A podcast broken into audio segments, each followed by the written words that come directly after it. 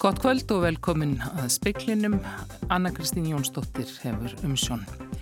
Forstjór landsbítalan segir að hópsíkingin sem kom upp á spítalanum sé alvarlegasta atvik í sögu spítalans. Ekki er ein skýring á síkingunni samkvæmt skýrslu sem kynnt var í dag.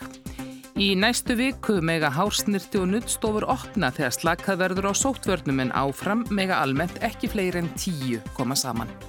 Geðhjálp og þroskahjálp hafa farið formlega fram á það við alþingi að aðbúnaði fallaðis fólks og fólks með geðrænan vanda verði rannsakaður 80 ára aftur í tíman. Raforkukostnaði til stórnótinda skerður ekki alþjóðlega samkeppnishæfni þeirra að því kemur fram í nýri úttækt og rúmlega 20.000 manns voru án atvinnu í síðasta mánuði sangum tölum vinnumálastofnar um 9.000 hafa verið án vinnu í meirinn hálft ár. Forstjóri landsbítalan segir að hópsíkingin sem kom upp á spítalanum í oktober hafi verið alvarlegasta atvikið í sögu spítalans. Í skýrslu hans um málið sem kynnt var í dag segir að aðstæður og aðbúnaður á landakotti hafi verið til þess fallin að auka líkur á dreifingu kórnvegunar en ekki stendur til að taka það húsnæðu nótkunn. Dreifing smitsins var gríðarlega mikil eins og framkom í skýslunni. Pál Mattíásson, forstjóri landspítala, segir að ekki hefði verið hægt að koma í veg fyrir hópsíkinguna. Hann segir að spítalinn sé undir það búin að takast af við fleiri bylgur faraldursins komið til þess. Við bregðumst þá við með því að einbit okkur að þeim sem eru veikir, að láta það býða sem getur byggðið, bæta okkar síkingavarnir. Þannig að ég tel að við séum ágætlega í stakkbúin til að takast á við nýja bylgi ef það þarf. Niðurstaða skíslunar er að staður á landakoti hafi orðið til þess að útbreyslan varð svona mikil. Pál segir að ekki standi til að taka húsnæður úr nótkunn, verið sé að bæta þar loftræstingu. Landakotspítali er batsins tíma. Eh, þrátt fyrir að við höfum sett mikla fjárminni í að bæta aðbúna þar 1800 miljónir á síðustu 16 árum, að þá samt sér valla högg á vatni. Er þetta ástættalegt húsnæði fyrir eh, sérhæða sjúgráðsjónustu? Nei en það er verið að byggja slikt húsnæði. Hins vegar þá er þetta viðunandi fyrir ákveðna endurhæfingarstarfsemi til skamstíma en ég held samt að við eigum að geta gert miklu betur. Pál segir að skýslan sé áfællistómur yfir helbreyðskerfinu. Þetta sé alvarlegasta atvikið í sögu landsbítala í starfstíð hans. Eftir því sem ég kennst næst þá er þetta alvarlegasta sem hefur komið upp á spítalunum frá því að ég kom að honum.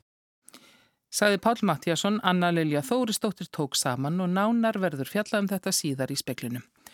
Slakað verður á sótvarna aðgerðum frá með 18. november samkvæmt reglugerð heilbreyðisráð þeirra.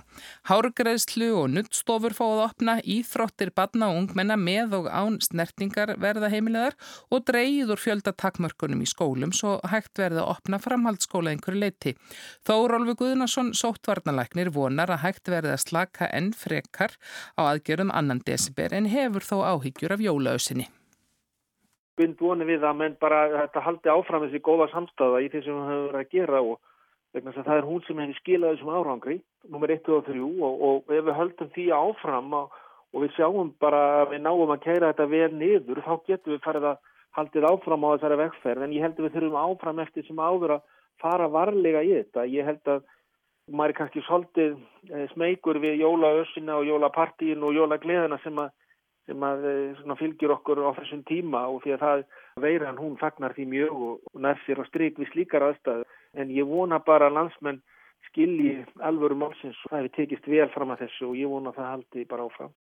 Sagði Þórólfur Guðnarsson rætt var við hann í síðdeisútvarpinu á Rást 2 áðan.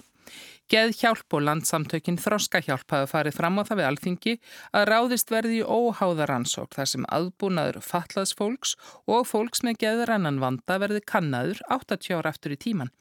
Tilefni er fréttaflutningur af vistheimilinu Arnarholti þar sem starfsfólk lísti ómannúðlegri meðferð á heimilisfólki í ítarlegum vittnaleðslum fyrir tæpri hálfri öld. Fjöldi fólks hefur haft samband á undanfættum dögum bæði við geðhjálp og landsamtökin þroskahjálp, bæði aðstandendur fólk sem dvalið hefur á vistheimilum sem og fagfólk. Þetta fólk hefur haft sögur að segja mjög misjöfnum aðbúnaði. Nánar verður fjallaðum þetta mál í fréttum sjómarps klukkan 7. Raforkukostnaður stórnótenda skerðir almennt ekki samkeppnishæfni þeirra gagvart samanbörðalöndum. Þetta kemur meðal annars fram í úttekt þýska fyrirtækisins Fraunhofer fyrir atvinnuvegaráðanettið á samkeppnishæfni íslenskarar stóriðju með tilliti til raforkukostnaður. Megin niðurstaða skíslunar er að raforkukostnaður stórnótenda á Íslandi skerði almennt ekki samkeppnishæfni þeirra gagvart samanbörðalöndunum sem eru Nóriður, Kanada og Þískaland. Raforkuverð á Íslandi sé misamt eftir yðnaði og einstakar samningum en standi samkermishæfni orkufreks yðnaðar ekki fyrir þrefum. Þó sé sverum til úrbóta á ymsum sveðum til að mynda hjá hennu ofinbera í skattamálum, í ofinberi gjaldtöku, í vilnunum og styrkum til rannsókna og þróunar. Það hafi áhrif á samkermishæfni fyrirtækjana. Fránhofer fekk við gerð skíslunar aðganga trúnaðarupplýsingum um rávorkusamninga Lang flesti sem leita var til veittu aðgangað umbennum upplýsingum og allir stórnatendur nema einn veittu upplýsingar um raforkuverð til sín. Ekki hefur fengist uppgefið hvaða fyrirtæki neitað að gefa þær upplýsingar en sangvært ráðnöytinu voru fyrirtækin í fullum rétti til að neita þáttöku. Það hafi hins vegar ekki skekt niðurstöðuna. Einni er bent á að tröstkakvart raforkumarkanum hér á landi myndi aukast ef gagsægi erði aukið um verð og magn keftra raforku til stórnótenda. Bæði Norðurál og Landsverkun letu í ljós þá skoðun sína í tilkynningum í dag að byrta eitt upplýsingar um rávorkuverð. Yfir 80% þeirra rávorku sem er framleitt hér á landi fer til stórnótenda. Bent er á að álver hér á landi séu orkufrekari en álver í öðrum löndum. Það stafi fyrst og fremst af því að þau búi ekki yfir nýjustu tækni og búnaði. Orkunýtingin sé til að mynda betri í álverum í Noregi. Aftur á móti hafi kallt lofslag góð kælingar áhrif á gagnaverð. Þau spari þar að leiðandi raforku sem færi í að kæla búnað. Bjarni Rúnarsson saði frá. Sjópróf verður haldið 23. november á Ísafyrði í máli skipveri á tógarunum Júliussi Gerimundsinni. Þetta var ákveðið við þingfestingumálsins í hérastómi Reykjanes í dag. Yfirlýsing frá skipstjóranum var lögð fram fyrir dómi. Hann gaggrínir verkalýsfélögin sem fara fram á sjópróf og segir að þau standi fyrir ofinberi auðmíkingu sinni. Þungbært sé að sitja undir áburði um að hann hafi viljandi stemt áhöfninni í hættu.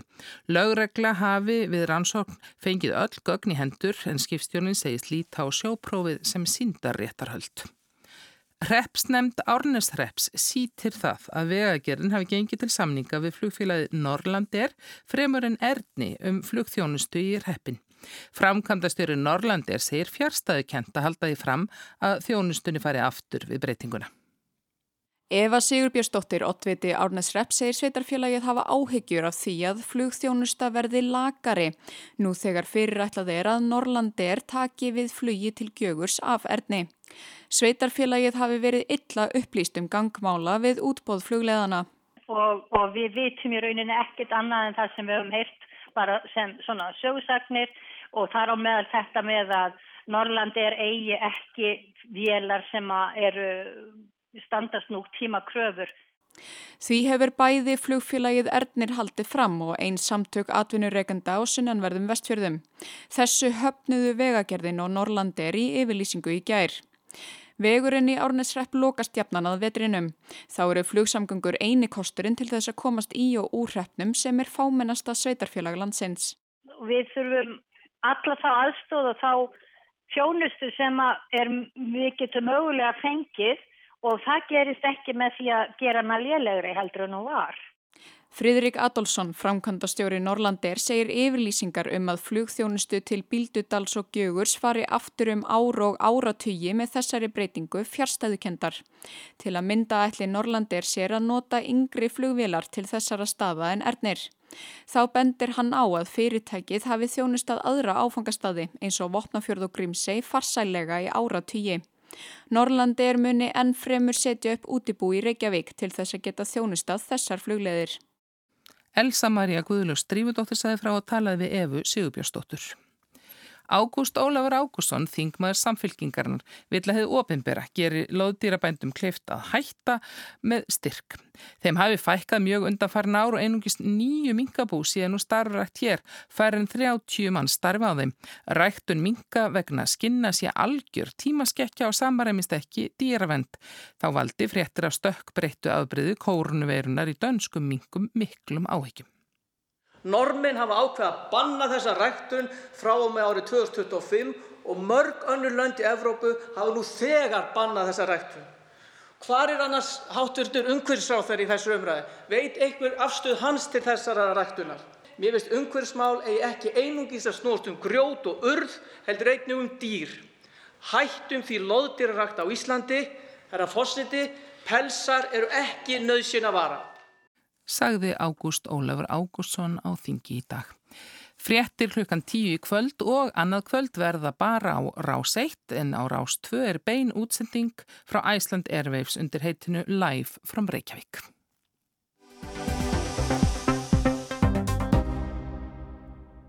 Líklega er ekki hægt að nefna eina staka undirliggjandi orsök fyrir COVID-19 síkingunni á landakoti, heldur koma þar saman margir samverkandi þættir sangkvæmt skýrslu um hópsíkinguna sem kynnt var í dag.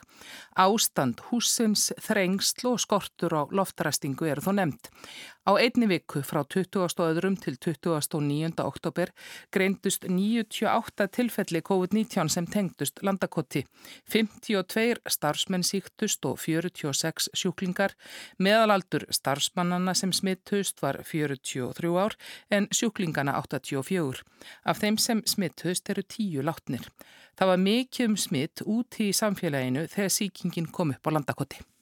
Nú mikil dreifingin af landakots, hátt hlutfall smittar á móti útsettum, á sér nokkra skýringar. Það er í fyrsta legi lélega loftskipti, það eru sameili snertifletir dvalakjasta, eru fjölmarkir, aðstæðu aðbúna starfsmanna er ábútafant og til þess fallin að auka á líkur á smittdreifingu meðal starfsfólks og dvalakjasta.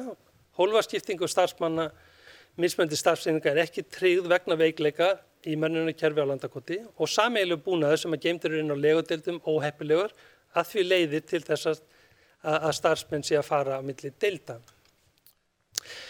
Eh, það má eiginlega segja það að, að, að þetta sem við lendum í sé hinn fullkomni stormur, eða það sem við kallað perfect storm. Mikið um samfélagssýkingar, Sýkingar margar borist inn á landakot á skömmu tímabili, aðstæðuna með þeim, þeim hætti að, að hvetja til dreifingar.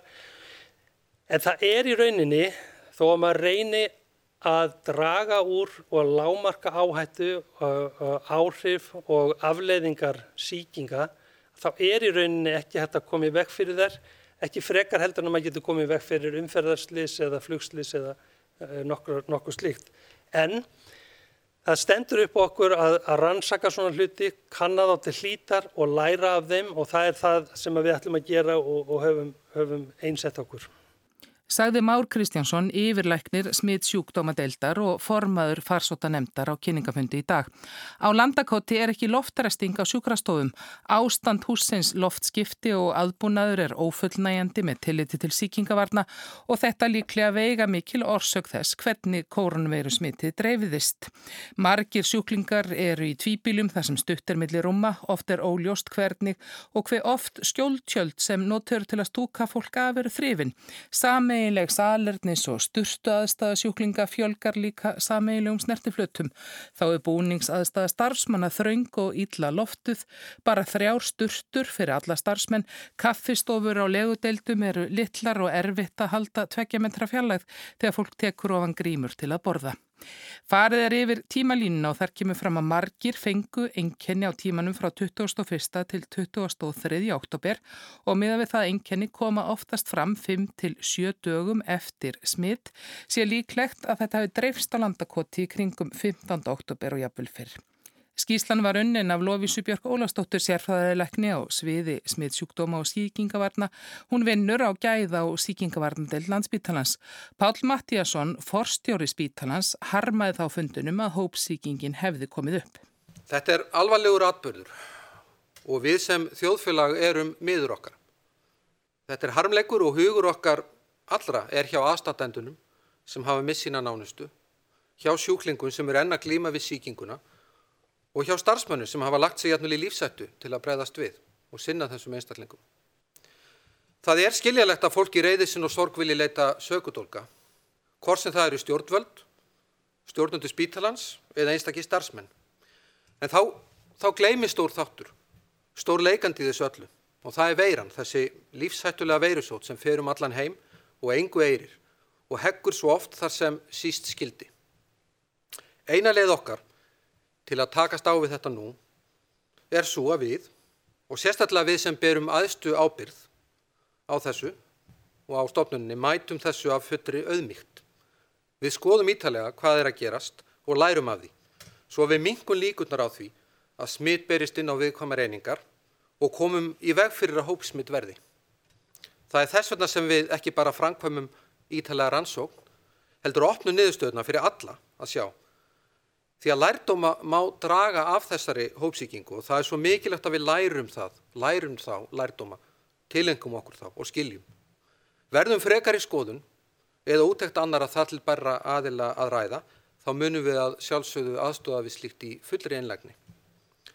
Sumar þjóðir hafa valið þá leið að normalisera, að láta það hljóma sem óumflíjanlegt og jætmvel eðlilegt að eldra og viðkvæmt fólk veikist og degi í þessari hræðilegu farsótt. Það er hins vegar, og sem betur fer, ekki okkar leið. Við sem þjóð höfum til að bera þá virðingu fyrir lífinu að við sættum okkur ekki við döðsföll af völdum veirunar. Við viljum skilja og við viljum gera betur og það er í þeim anda sem við höldum þennan fund og opnum umræðu um það hvernig við getum gert enn betur. Pál sagða smitt sem kom upp á landakoti í vor hefði orðið til þess að úr ímsu var bætt en ekki fjagst við annað ráðið meðal annars vegna húsins. Nú væri hort til nýs spítala sem væri í smíðum en hefði tafist. Skíslan væri hluti af innri rannsókn og frekara matværi höndum landlagnis og lauruglu. Sigriðu Gunnarsdóttir, framkvæmdastjóri hjúkrunar og landspítalum sagði að stjórnendur spítalans bæru auðvitað ábyrð á stopnunni en horfa þyrti víðar en ég held að hún nái miklu lengra, ég held að hún nái til okkar alls sem samfélags í því hvernig uh, aðbúnað við bjóðum uh, okkar elstu borgurum upp á. Og ég held að við verðum öll að líta bara í eigin bar með það sama hvaða hlutverki við gegnum.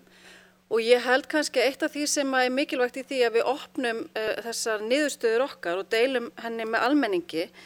Ég er ansið hættum það að aðstæður aldraðara séu víða með þessum hætti Þannig að ef einhverjir fleiri geta lært af okkar uh, mjög dýrkæfta lærdómi og þá er það eitthvað sem að, að ég myndi hvetja fólk til þess að skoða. Nú erum við búin að deila þessum uh, lærdóm okkar með allir í þjóðinni og ég held að við þurfum öll að læra af því.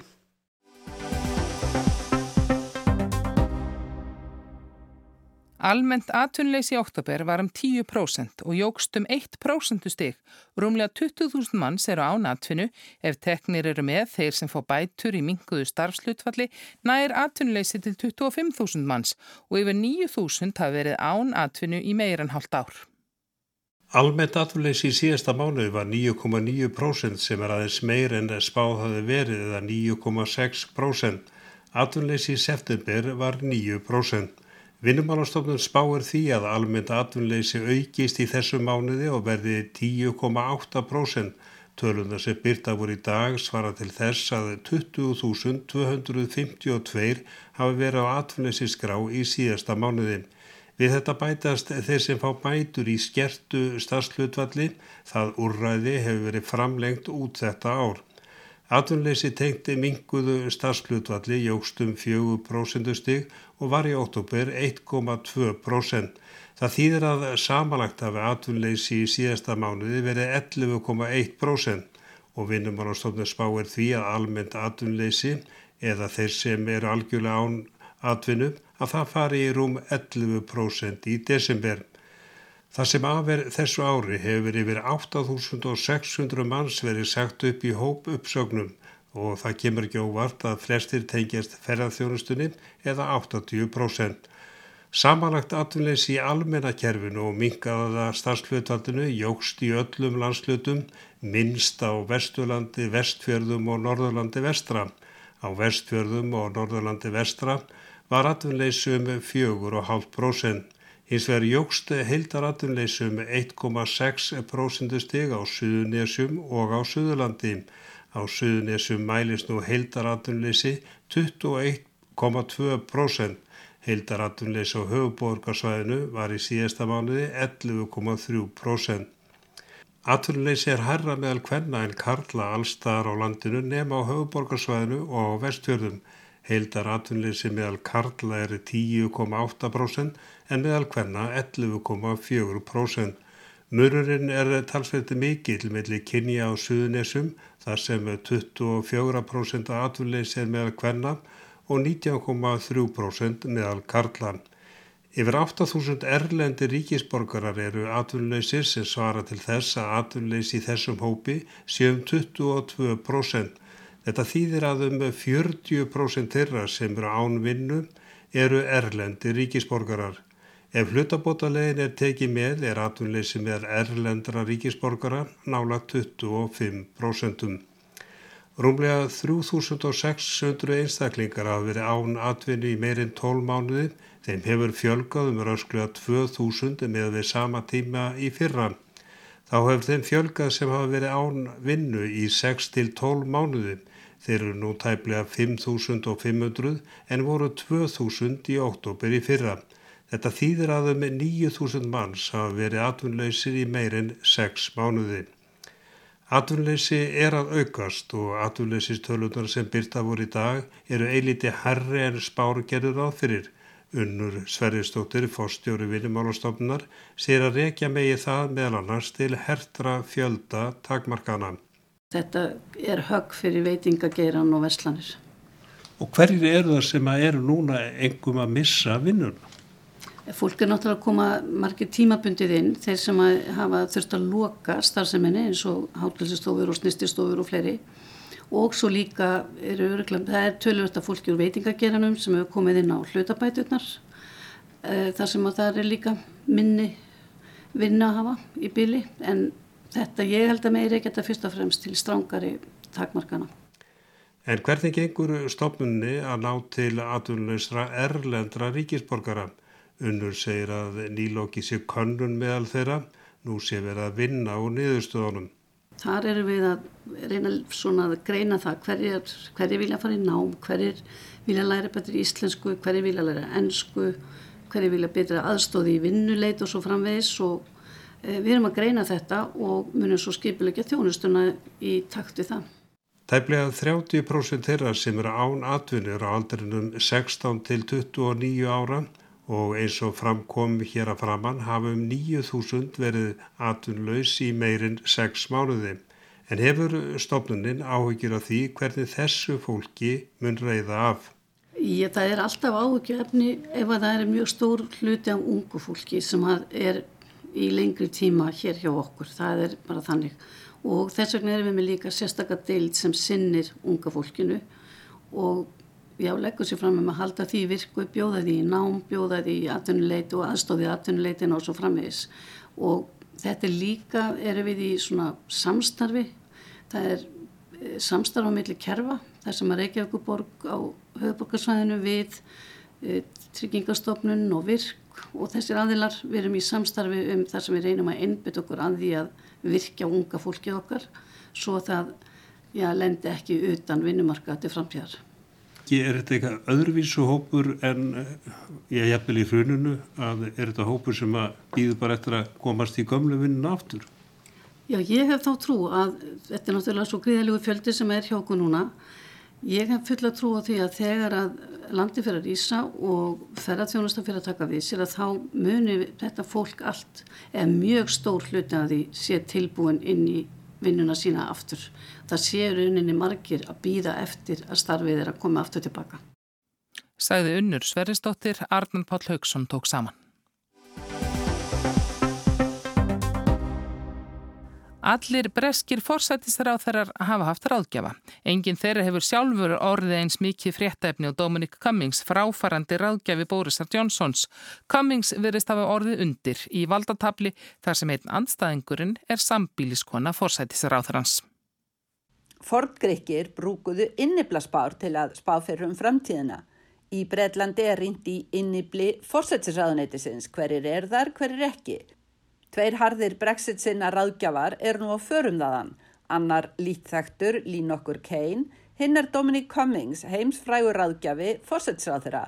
Svo náinn honum að allt þetta ár hefur fósætsráð þeirra fremur kosið að hlýfa Cummings en sinna kveinstöfum þingflokksins vegna ráðgjafans. Cummings braut óhikað óskrifað reglur um að ráðgjafar eigi að láta verkinn tala, ekki vera sífælt sjálfur að dadra við fjölmiðla. Reyti þar ósjaldan ónótum í þingmenn sem virtist undarleg leið til að vinna hugmyndum sínum um róttakarbreytingar brautargengi. Cummings var driffjöðurinn 2016 í sigri Brexit-vangsins í þjóðaratkvæði um ESB aðild. Í dáningstræti likur lítið sínilegt eftir hann, annað en kvartanir um ógnarstjórnans frá þeim sem voru ekki náðinni.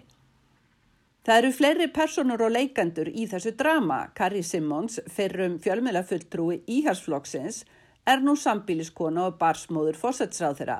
Það hefur verið orðrómur um að henni fjallekki gauralætin í teimi sambílismannsins þar sem kvennkins ráðgjafar ætti ekki upp á pallborðið. Í vikunum var tilkynnt að Kane yrði starfsmannastjóri fórsætsráðra en þegar hann skinnjaði mótstöðuna frá Simmons arminum hann af sér. Fljótlega tilkynnti Cummings að hann myndi hætta í árslokk virtist búast við að verða ella rekinn. Og þá er það pólitíska samhengið, Brexit augur stund blasir við, tími breyta til að gera fríverslunarsamning við Evrópusambandið er að renna út. Nema auðvita að það verði ekki samið.